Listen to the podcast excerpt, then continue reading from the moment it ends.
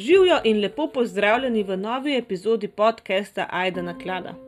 V tej sezoni sem to že stokrat povedala, sigurno že vrabci na strehi čivkajo, ampak ja, letos se pogovarjamo o malo drugačnih temah kot eh, v prejšnji sezoni, v kakšnih temah, ki me tudi zanimajo, poleg branja, in kakšne so malo bolj temačne, so bolj na true crime uh, področju. Bi pa samo danes še nekaj povedala, se vem, da to vi že vse veste. Nekateri ste mi pisali, da kakšne res te teže teme vas mogoče ne pritegnejo toliko, oziroma niste jih uh, pripravljeni v njih poslušati, kar je meni čist razumljivo, res. Uh, pač nekaterih to ne zanima, nekatere to pa zelo muč. Tako da jaz um, sem se zdaj tako odločila, da ob sredah bojo bolj kakšne res true crime teme take bolj udarne, bolj eksplicitne in tiste, ki bojo res tako zelo uh, v podrobnosti, recimo v določenih primerih, ne, bojo tudi uh, označene z oznako explicit. Medtem ko v petkih pa pridejo teme, ki so bolj splošne, bolj lahkotne, bolj zabavne, naprimer to, kar smo imeli prejšnji teden, uh, te vraže, ki smo iz različnega sveta, o katerih smo se pogovarjali, pa ta teden, naprimer, pridejo zgodbe slovenskih gradov. Tako da te petkove teme so pa bolj sproščujoče, bolj take, take za vsaka ušesa. Tudi uh, sredine teme niso priporočljive za mlajše poslušalce, pa za občutljive osebe.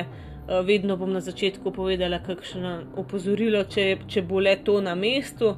Ampak današnja tematika ne bo zelo tako uh, udarna, tako da jaz mislim, da jo lahko čisto vsi poslušate. Uh, Um, bo se šla pa o tem, o čemer je pel Andrej Šifrer, oziroma v zadnji verzi, verziji se mu je pridružil tudi uh, Jan Plestenjak. A se vam že kaj sanja, o čem govorim, kar prisluhnimo?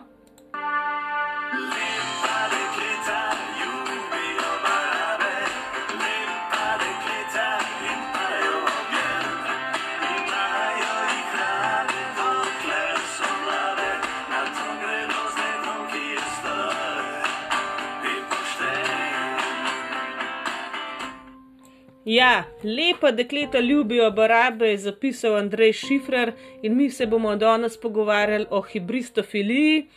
Uh, to je pa dejansko uh, stanje, psihološko stanje, ko ženske, predvsem, uh, ljubijo dobesedno barabe oziroma čim hujše kriminalce, in danes, današnja tema se bo vrtela prav o teh uh, dekletih in gospeh. Eh, pogovarjali se bomo o tem, kakšna dekleta ljubijo barabe, so res samo lepa, so res samo mlada, zakaj jih uh, pridajo do tega in kaj od tega pol odnesejo. Tako da se kar lotimo današnje teme.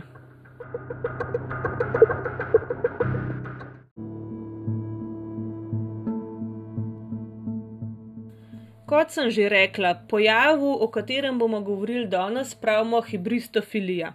Hibristofilija je ena od parafilij, to so pa uh, parafilije označujejo različne spolne, spolna nagnjenja oziroma um, nav, spolna navdušenja nad stvarmi, na katerimi se na, načeloma ne bi smel v tem smislu navduševati um, recimo pedofilija, ne, ko odrasli ljudje ne, so vzburjeni pri otrocih, se poznamo, kaj je pedofilija, potem nekrofilija. Ne bom šla zdaj v različne filije, ker niso jih prijetne, ampak današnja hibristofilija je pa v bistvu spolna uh, privlačnost do oseb, ki so povzročile neka huda kriminalna dejanja.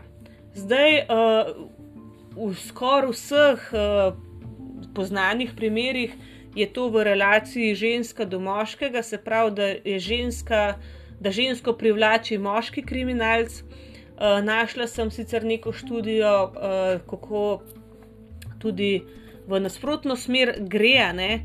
Predvsem je šlo bolj v smislu, da je neka ženska, ki je izvajala kriminalna dejanja, uh, dobila neke tri privržence, ki so bili tako. Um, obsedeni z njo, da so ji pomagali no, pri teh dejanjih, ampak načeloma, potem, ko je ženska v zaporu, naprimer, ne, da, bi nje, da bi ženskam pošiljali nekaj ogromen, nekih pisem, ljubezenskih, tako da se v nasprotno smer dogaja, pa mislim, da ni tako pogosto. No.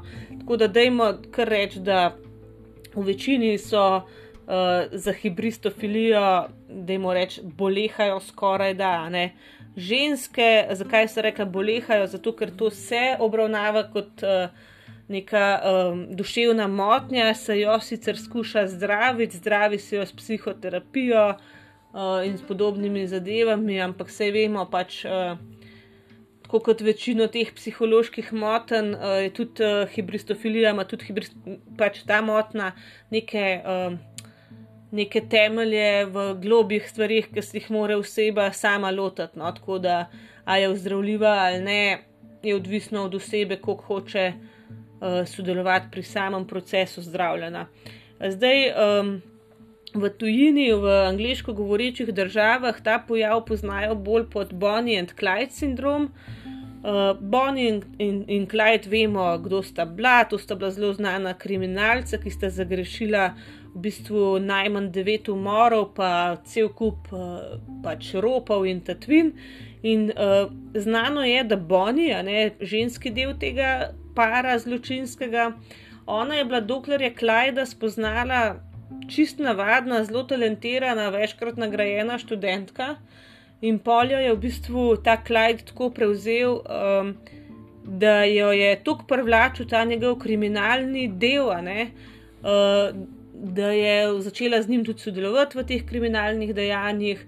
Je bilo pa tudi uh, do konca rečeno, da v bistvu ona nikoli ni uh, pritisnila na sprožilec, nikoli ni dejansko sama nobenega tega zločina zagrešila. Ona je bila pač vedno z njim in vedno ga je tudi podpirala in mu je bolj asistirala pri teh uh, zločinih, mu pomagala, pač kar je prav tako kriminalno dejanje, ampak ni bila pa ona glavni uh, glavni, kako bi rekel, pobudnik teh kriminalnih dejanj, pa glavni storilec. Ampak to ji ni nič pomagalo, ker sta v bistvu v neki policijski akciji leta 1934 uh, eh, oba končala svoje življenje. Ampak po njih dveh ne, se v bistvu ta sindrom tudi tako v nekem urbanem slengu imenuje, se pravi Bonnie and Clyde sindrom.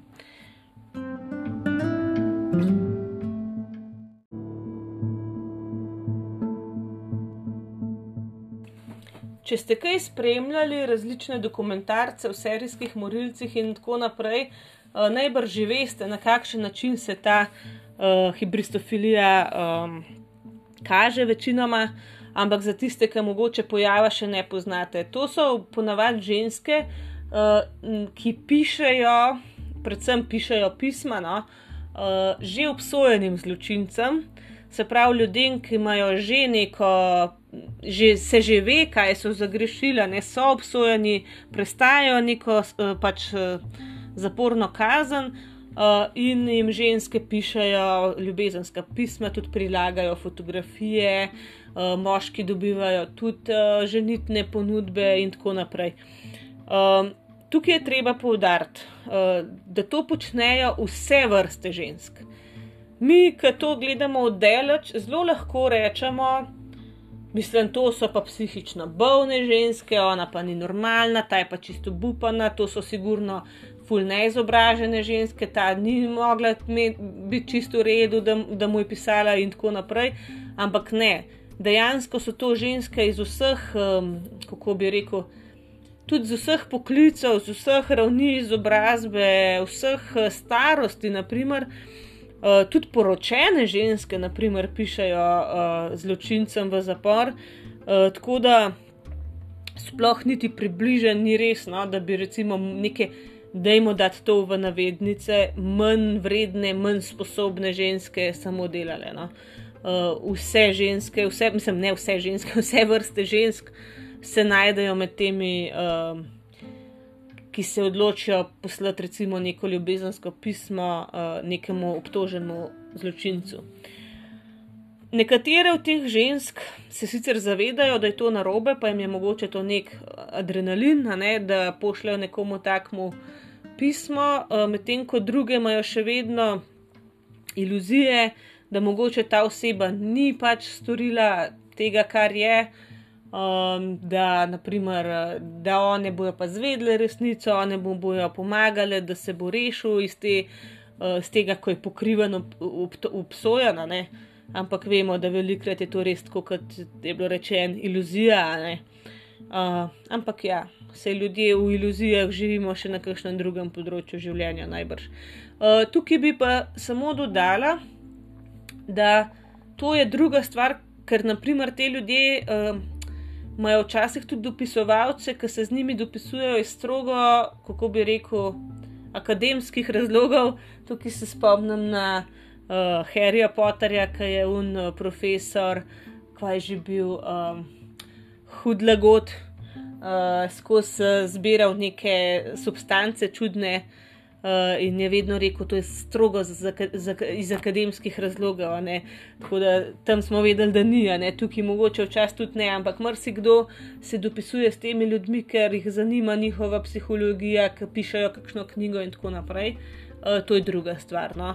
Hibristofilija res, uh, res v bistvu označuje neko seksualno privlačnost do tega, da te vzburja v bistvu misel na nek, nekoga, ki je povzročil nek zločin. Uh, se pravi, da ti je on v nekem seksualnem smislu zanimiv, uh, ne pa v ne vem, nekem akademskem, psihološkem smislu. Tako da to sta dve različne stvari.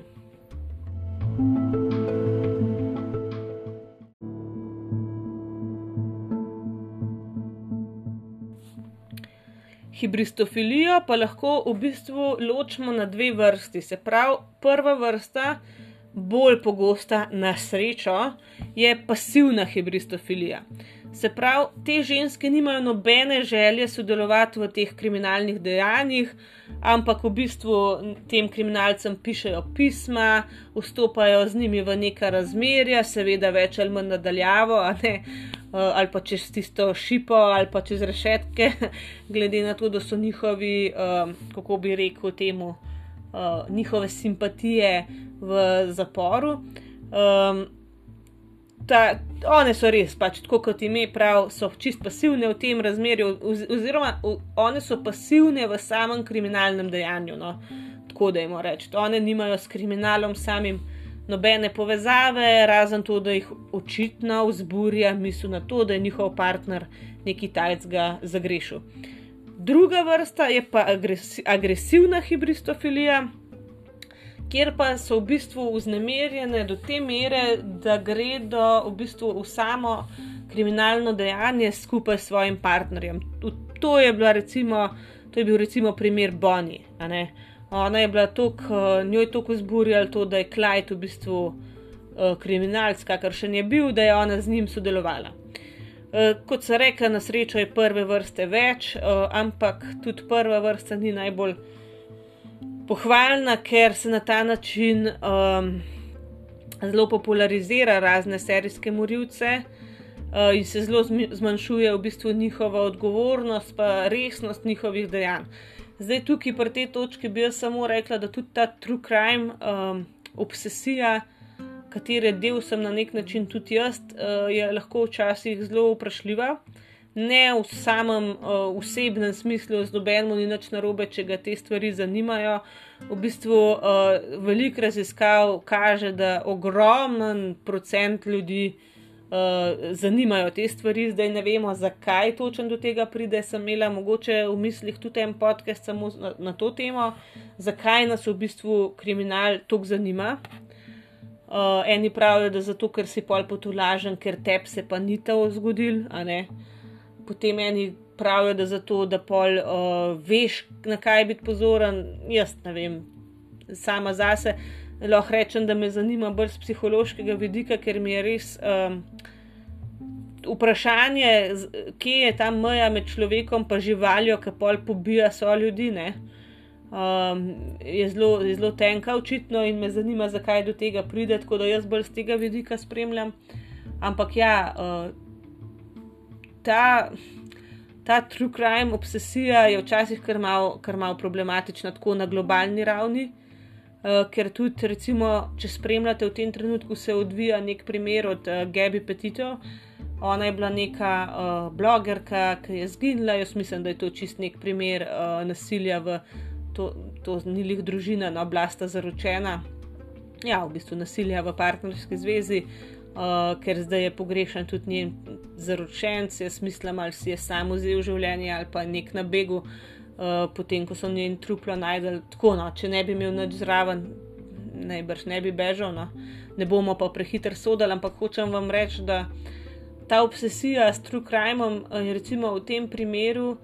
Prav te konkretne gebi uh, pripomogla do te mere, da so s pomočjo ljudi na uh, internetu našli sploh truplo, ker je pač uh, povsod šla njena slika, povsod je šel, šla slika njenega tega uh, predelanega kombija, ki ga je imela za avtodom, uh, in je potem nekdo na svojem posnetku najdel ta kombi in uh, so v bistvu v bližini tistega mesta najdel tudi truplo, ampak v drugo smer je pa ta uh, medijska popularnost uh, prinesla tudi dosta težav, ker je prišlo en kup neuporabnih uh, nasvetov, a ne neuporabnih, uh, kako bi to pri nas rekel, uh, klus, uh, kaj je slovenska beseda, namigov.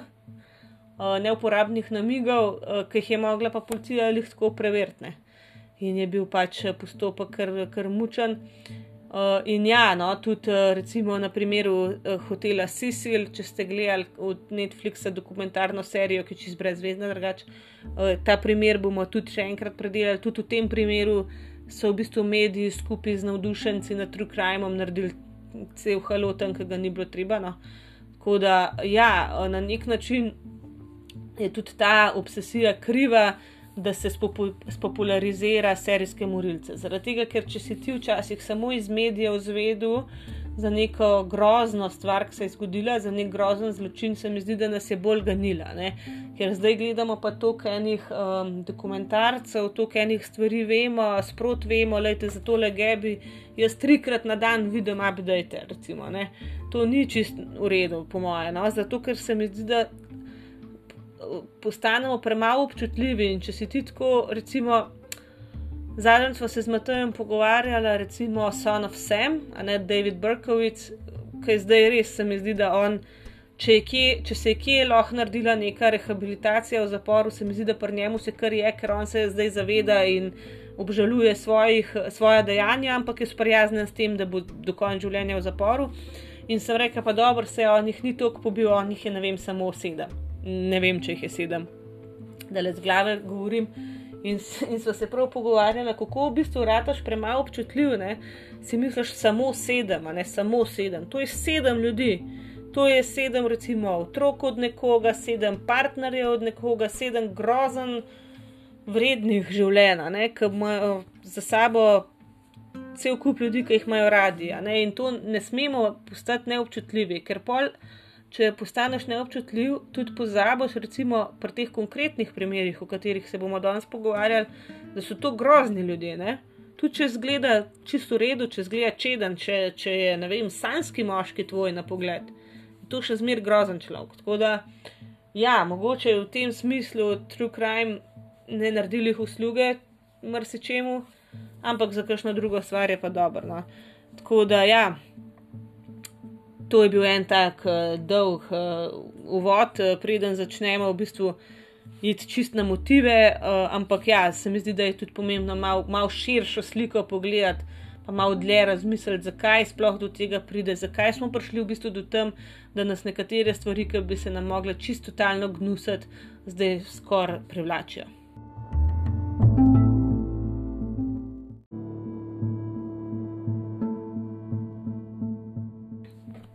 V glavnem, kot smo že v prejšnjem delu povedali, zakaj nas kriminal privlači, ne vemo. Ampak to, da te pa seksualno privlači nekdo, ki je izvedel kriminalna dejanja, uh, ima pa več vzrokov, pa tudi več motivov. No? Zakaj pač se te ženske odločajo za zveze oziroma za sim, sim, simpatije do serijskih morilcev in drugih kri, hudih kriminalcev? Ker to niso samo serijski morilci, je tudi kakšen kakšen kanilih serijski, ki je samo morilca, ne, ali pa kakšen drug kriminalc. Zdaj, prvi motiv, ki ga opažajo pri teh ženskah, je uh, to, da v bistvu verjamejo, da se bo za njih spremenil. Se pravi, on je ubil 33 žensk, ampak za me se bo pa spremenil. Jaz bom pa drugačna, on bo imel od mene tokrat, da z mano pa ne bo tako naredil in za me se bo čist spremenil. To je meni zelo lahko verjeti, ker vidimo v, tudi v vsakdanjem življenju z manj manj konkretnimi, manj resnimi, pa udarnimi primeri, koliko velikrat se ženske uh, zapletejo v zveze, za katere že prej vejo, um, da recimo ta moški ni tisto, kar one hočejo, da ima neko preteklost, da, da je. Recimo, da ni za njih, ampak so prepričane, da za njih se bo pa spremenil. Jaz mislim, da če, da če se do zdaj ni, se tudi zate ne bo. Ne? Pa jaz tudi mislim, da nihče ne sme iti v zvezo z namenom, da bo spremenil, spremenil nekoga, ne? ker se nihče ne bi smel spremenjati v zvezi za nekoga drugega, ker se to nikoli dobro ne konča. Uh, ampak ja, tukaj je pa to res ekstremno. Oni so, one so prepričane, da tudi če je bil prej morilc, tudi če je bil prej kriminalc, za njo se bo spremenil. Temu se, uh, pot, aha, potem naslednja stvar, ja, tukaj sem malo zabluzila, skor, je, da vidijo nekako tega otroka v teh, uh, v teh kriminalcih. Recimo, vemo, da velikrat za te kriminalce uh, se zve pol neka predzgodba, recimo konkretno, če rečemo za Richarda Ramireza. On je bil čisto v redu, otrok, čisto normalen, pa je imel pa neko poškodbo glave. Poleg tega je uh, njegov bratranc, meni se zdi, je bil v Vietnamu in je prišel nazaj s hudo posttraumatsko stresno motno uh, in je Richardu kazal um, slike ubitih pa posiljenih žensk uh, in ga je to ful zaznamoval. Poj pa še Richard enkrat prisostvoval temu, ker je ta bratranc, mislim, da svojo ženo ali nekoga, se, mislim, da ženo ubil. In ja, pol od tukaj je šlo samo še navzdol, vse v njegovem življenju. In recimo obstajajo ženske, ki imajo ta sindrom odrešitelja, se reče, da si mislijo, ok. Um, To je v bistvu en, v njem še vedno živi en zelo poškodovan, uh, zelo um, uničen psihično ne, otrok. In jaz bom zdaj njemu pomagala, da bo boljši ratu, da, se, da ga potolažem, on je to delo zato, ker je bil uh, tako prizadet od vsega, kar se mu je zgodilo in jaz bom zdaj njega rešila, ne, se mu v bistvu smil. Potem obstaja motiv pozornosti, seveda če ti pišeš nekomu v zapor, boh ne daj, da pride do tega, da se vidi celo poročita ali pa da ima ta neko razmerje, bo ta oseba sigurno dobila od javnosti neko pozornost, bo medijsko prepoznavna, čeprav jaz mislim, uh, da ni vsaka medijska prepoznavnost vredna. Uh, jaz ne vem, če bi hotela biti za tako stvar znana, ne? ampak nekateri so, imajo željo sam, da so znani, pa nima veze, zakaj. Ne? Potem obstaja seveda neka eh, kategorija žensk, ki so zelo nesamozavestne in so prepričane, da na drugačen način kot na tak ljubezni ne bojo mogle najti. Uh, potem uh, so tudi ženske, ki si želijo zvezo brez spolnosti in je najlažji način, da v bistvu dobiš zvezo, kjer ne boš rabu biti spolno aktiven, ta, da je tvoj partner nek delč stran v zaporu, ne, seveda. Um, potem imamo še v bistvu to fantazijo o popolnem partnerju v navednicah. Uh, ponavadi so to ženske, ki so imele zelo težke izkušnje, slabe izkušnje s partnerji in si v bistvu prav želijo nekoga, za katerega vse čas vejo, kje je. Uh, v bistvu, seveda, ker je v zaporu, so one vse čas brez skrbi, on je tam v zaporu, ni variante, da kam gre, ni variante, da je z drugo žensko, vejo, da jih ne bo varal, vejo, da jih ne bo zapustil, ker jih ne more, ker nima kam jet. Uh, vejo, da ne bo uh, do njih nasilen, ker ne more biti, in v tem vidijo nekega, uh, nekega popolnega partnerja, čeprav meni je to absurdno. Uh, potem so tukaj še ženske, ki imajo v bistvu same zgodovino nekih spolnih zlorab, mogoče pol nasilja, uh, kakšen odsoten oče, uh, izkrivljena očetovska oziroma nasplošna moška figura. No? In v bistvu, da povezujejo moško ljubezen, recimo, če je bil oče nasilen, lahko povezujejo moško ljubezen z nasiljem. Pač očetovska figura je una prva moška figura v življenju. Uh, ki nam da nek zgled za vse naslednje moške in za njihov odnos do nas. In če je bil oče do njih nasilen, si oni povezujejo očeta z neko ljubeznijo, kot bi mogli biti, in si predstavljajo, da, da to, da je moški do tebe nasilen, pomeni, da te ima rad in jih zato tudi nasilni moški privlačijo. Še en motiv, zakaj pa dekleta oziroma ženske izbirajo kriminalce, je pa to, ker naj bi v današnji družbi oni veljali kot nekakšni alfa samci, ker si več upajo, ker nadvladajo druge moške, ker so močnejši od drugih moških, kar je pa tudi totalen bulšitno. Uh, ja, mogoče kar se neke fizične moči tiče, ja ampak mislim, da je fizična moč zelo lahko dosegljiva, težko je pa doseči to, da imaš ti kontrolo nad samo sabo, pa nad svojimi dejanji. In mislim, da se moškost kaže v mrsičem drugem, kot pa v teh uh, moških lastnostih, da jim dati v narekovaj, ki prihajajo iz uh, prazgodovine. No, lepo prosim. No. Zato, ker je en jamski človek, ta drugmu iz. Iz uh, skalo Butico razbil, je bil močnejši. Ja, je bil takrat v tistih časih, Zdaj, v, čas, v teh časih se pa moškost lahko kaže tudi na kakšen drug način. In jaz mislim, da ženske, ki vidijo moškost samo v tem, da je nekdo sposoben um, svojo fizično močjo neko bolečino prizad, prizadejati, um, je pa malce primitivno. Ampak to so motivi, zaradi katerih se v bistvu uh, ženske zaljubljajo v serijske morilce in ostale težke, težke kriminalce.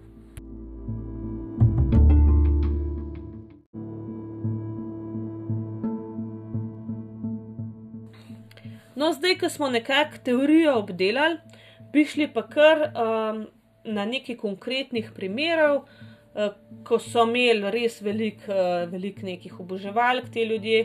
Uh, in prvega bi jaz uh, omenila Richarda Ramireza, uh, The Night Stalker, se je imel on nickname, to sem ga že prej omenila, ne, on je tisto, no, uh, ki sem prej govorila, da je bratranec mu iz Vietnama prinesel slike. Uh, V glavnem, ja, on je bil nočni zalezovalec, eh, tako imenovan, po noči je v bistvu hodil v hiše, mislim, da je tudi posiljeval, uh, predvsem pa zelo brutalno umoril 13 ljudi. Uh, ampak on je bil tako na pogled, pa da jim reči, povprečen moški, ampak ženske so čist norele za njim in tudi ko, je, ko so bile njegove sodne obravnave.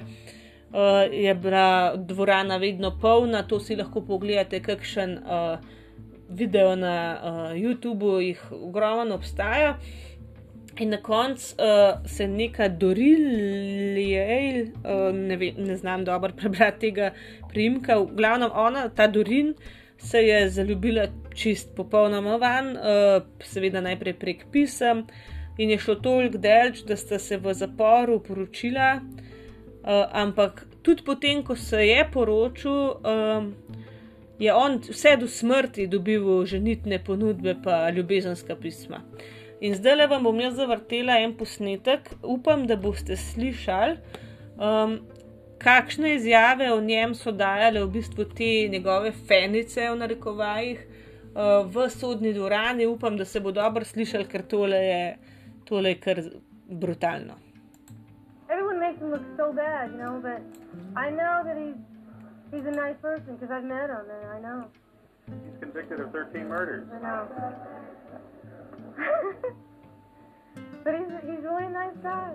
It's very out of the usual. It's very out of the norm to be able to do that for a certain amount of time and length, a period of time, and get away with it. Especially the outrageousness of it, the kind of murders that he did. When I went to go visit him, I asked him, you know, I said, how many other girls visit you? I want to know. And he kind of laughed and said, there's two, but I already know them and I've known them for a while and they're just like acquaintances and, you know, kind of, you know, made me uh, think that and believe like I was like the only one that he liked that was visiting him. There are trucks. Yeah, uh, I am. Upam, da ste slišali tole, da se bo slišal, ker je že sam posnetek dosti slab. Ampak, po, mislim, jaz bi rekla tale gospodična na posnetku, da ima kar sprane možgane. Ona se je zasmejala, ja, vem, da je ubil 13 ljudi, ampak eh, jaz mislim, da je vseeno full redu človek.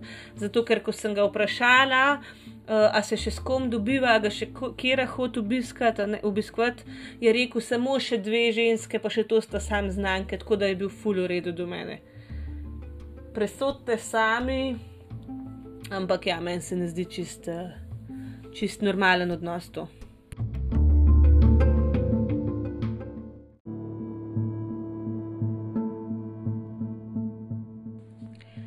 Naslednji, ki ga bom omenila, je Ted Bundy njega pa sigurno poznate.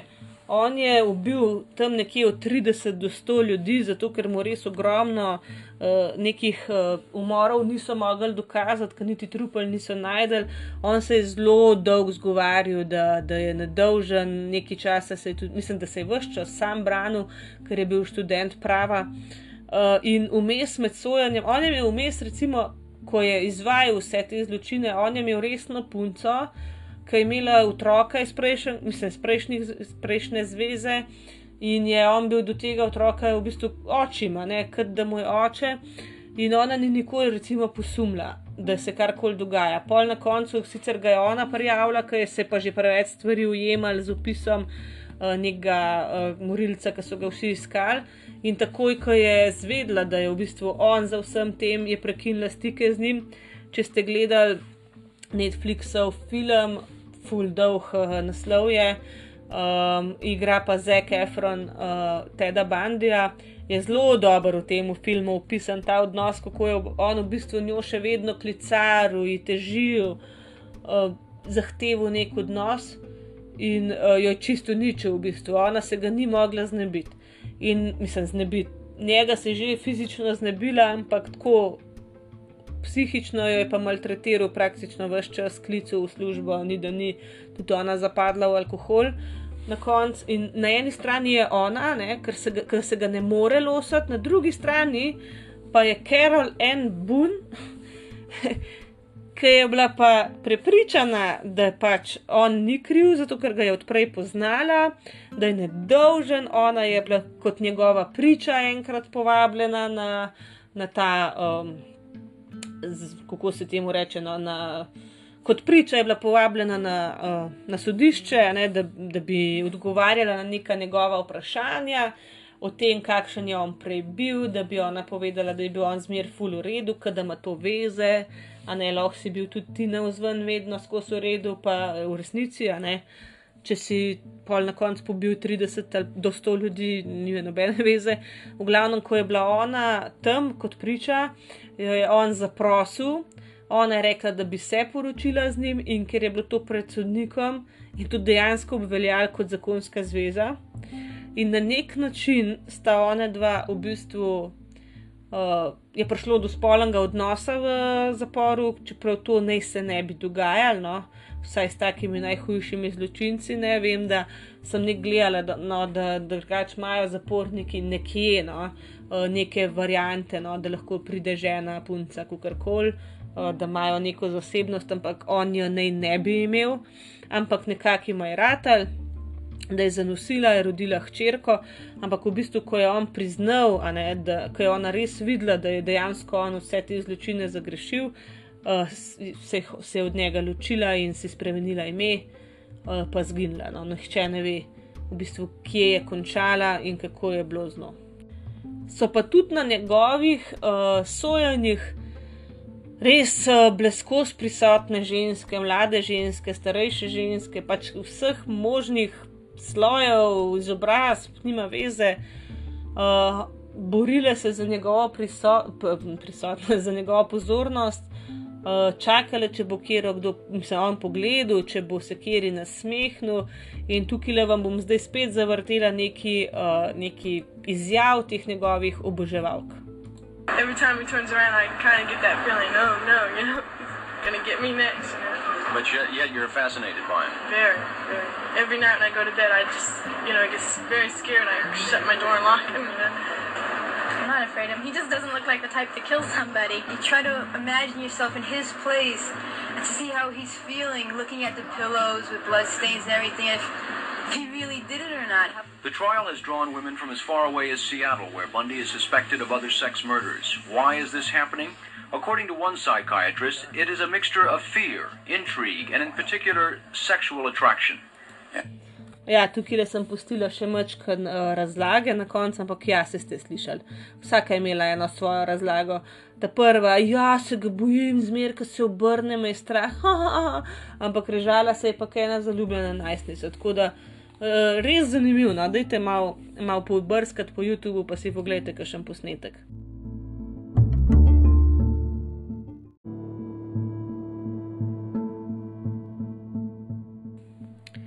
Zanimivo je, da sta imela oboževalke tudi streljca iz šole Columbine, uh, ki sta se sicer sama sebe tudi ubila tam, tako da nista bila niti živa, da bi lahko sprejela vso to eh, njihovo ljubezen, ampak vseeno še do današnjega dne imata oboževalke, imata oboževalce, imata simpatizerje, seveda, ampak uh, ja, prav oboževalke, ki so zaljubljene vanju.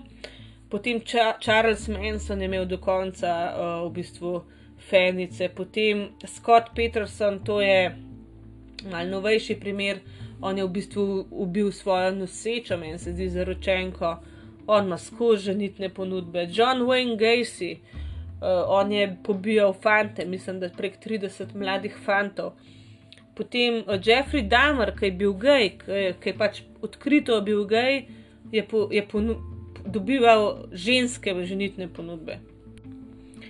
Zdaj od novejših primerov lahko rečem tudi recimo Andres Breivik, ki se ga vsi dobro spomnite, vsi veste, kdo je.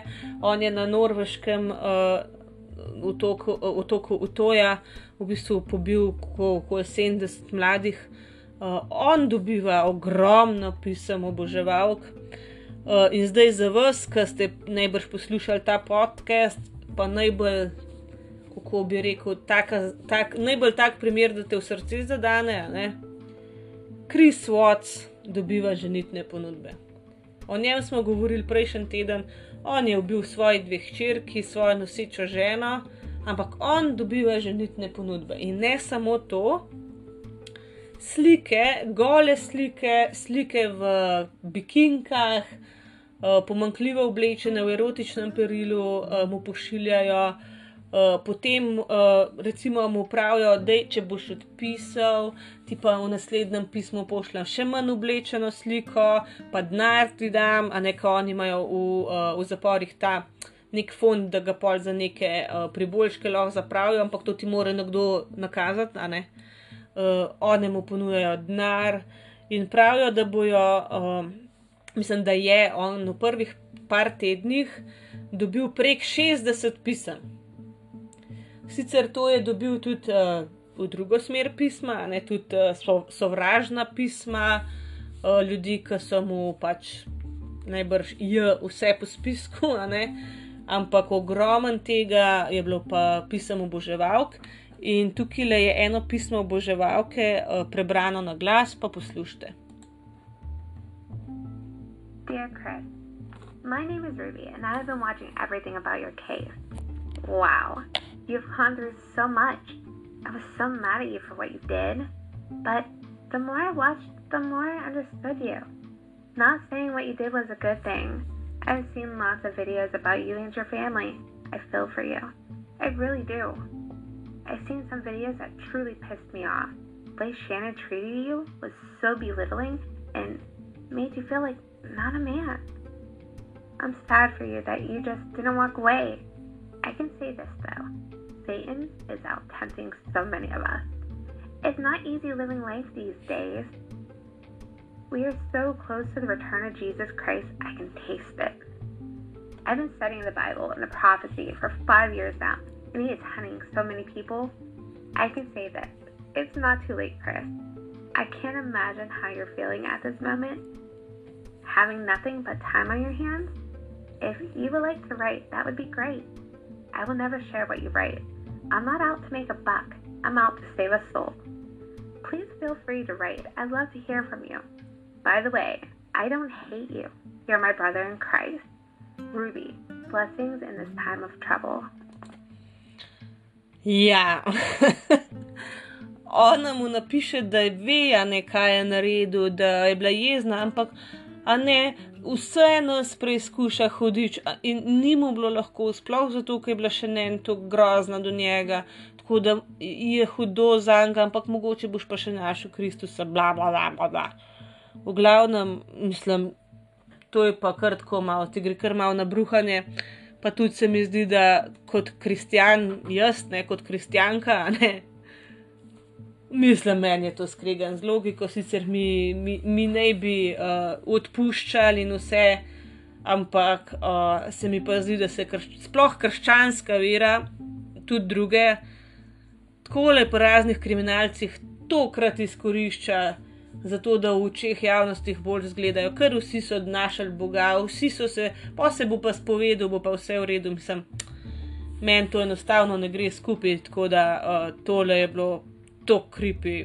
Ne vem, kaj si pa vi mislite?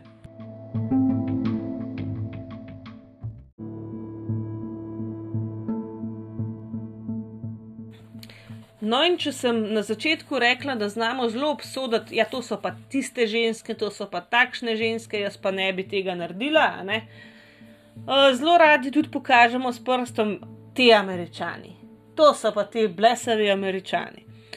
Ampak, dragi moji, drage moje, tudi v Sloveniji imamo en tak primer, mislim, eden javno znan, zdaj ne vem. Uh, kakšna je situacija v naših zaporih, lahko da full pisem dobivajo, nisem zdaj nobenega sprašvala.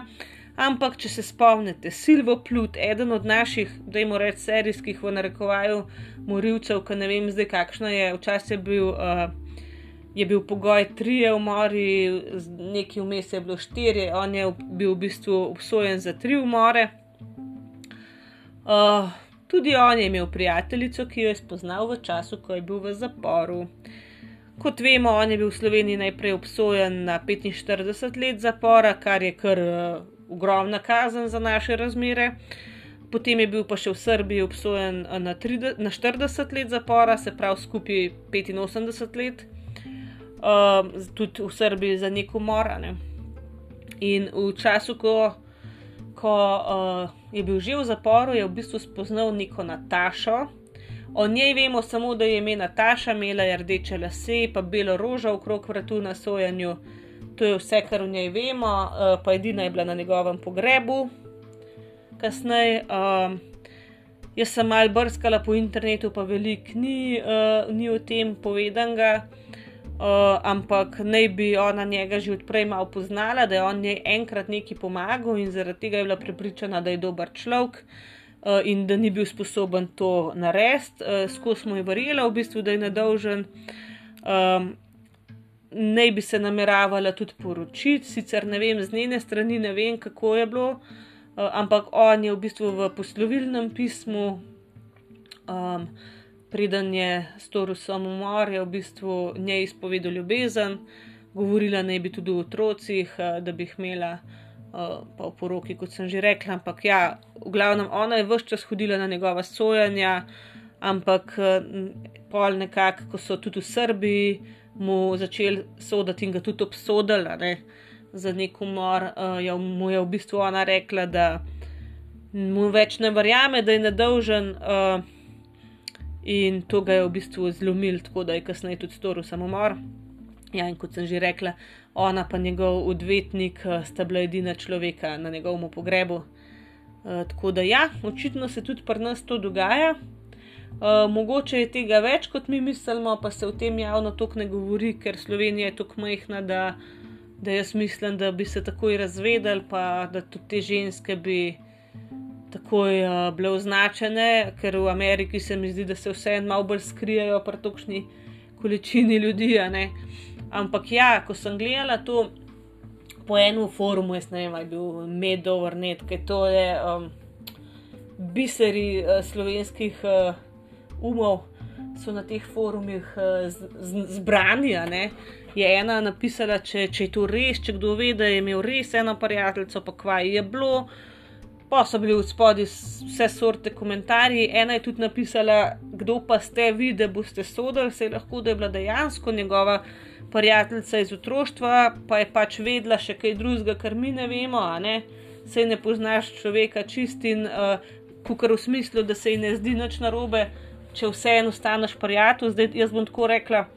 Uh, kot sem že rekla, na zadnjem smo imeli razpravo o tem, imaš svojega otroka, recimo, še vedno rad. Se tudi vprašaš, ne?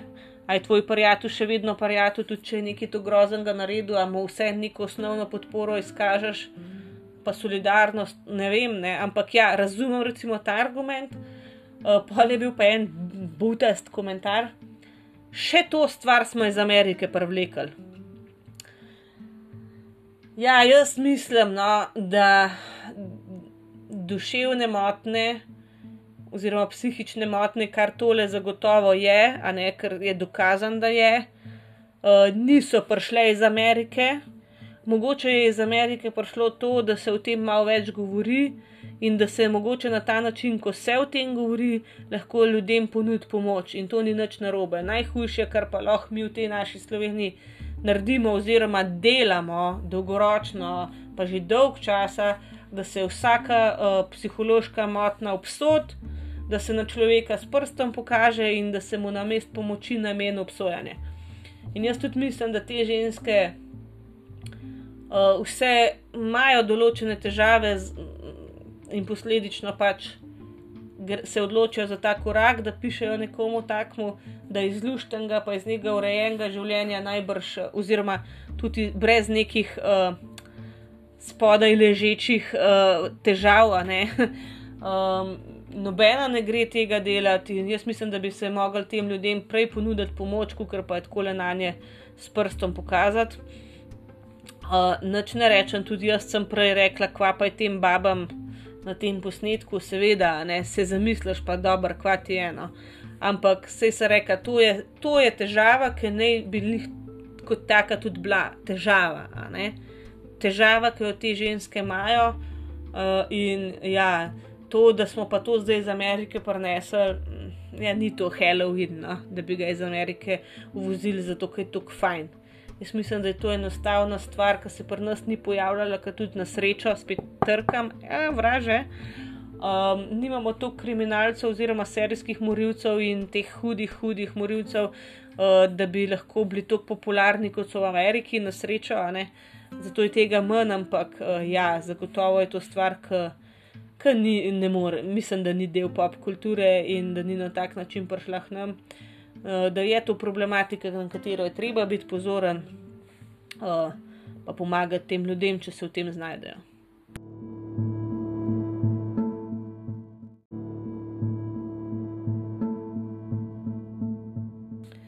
No, pa smo prišli do konca še enega podcasta. Jaz pojma nimam zdaj le, koliko bo dolg, meni se zdi, da je mal krajši od prejšnjih, eh, glede na to, da je bilo tudi zapiskov manj, ampak sem pa več prosto nakladala, ker je to tema, o kateri sem že dosti slišala, pa tudi prebrala že prej.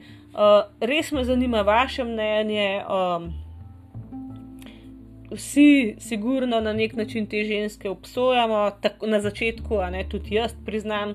Vse ste slišali moj odziv na te posnetke, resno. Sploh, ki slišiš direkt iz ust nekoga te izjave, te kar malo zmrazi, oziroma si misliš, pa dobro, kaj je s tabo narobe.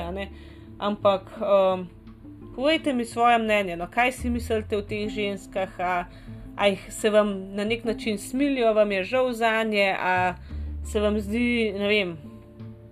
Ne vem, no, po, povejte mi, kaj si mislite, uh, a jih mogoče nekdo tudi razume na nek način, tudi najbrž kdo.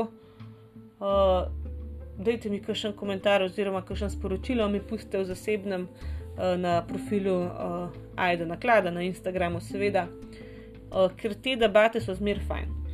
Uh, slišmo se v petek, v petek sem že rekla, bomo se pogovarjali o zgodbah slovenskih gradov. Um, pa v petek je tudi 1. oktober, tako da se na mojem profilu začne akcija Booktober, knjižni oktober, ko bomo obmislili, da čisto vsak dan podelili kakšno lepo knjižno nagrado v sodelovanju s kar nekaj slovenskimi založbami. Um, malo se bomo pogovarjali o knjigah, mislim, prav luštam bo, tako da če ste za kaj takega, se mi pridružite. Sicer pa se, kot se rekla, se slišimo v petek, uh, do takrat pa ostanite varni, zdravi in se imejte fajn. Čau, čau!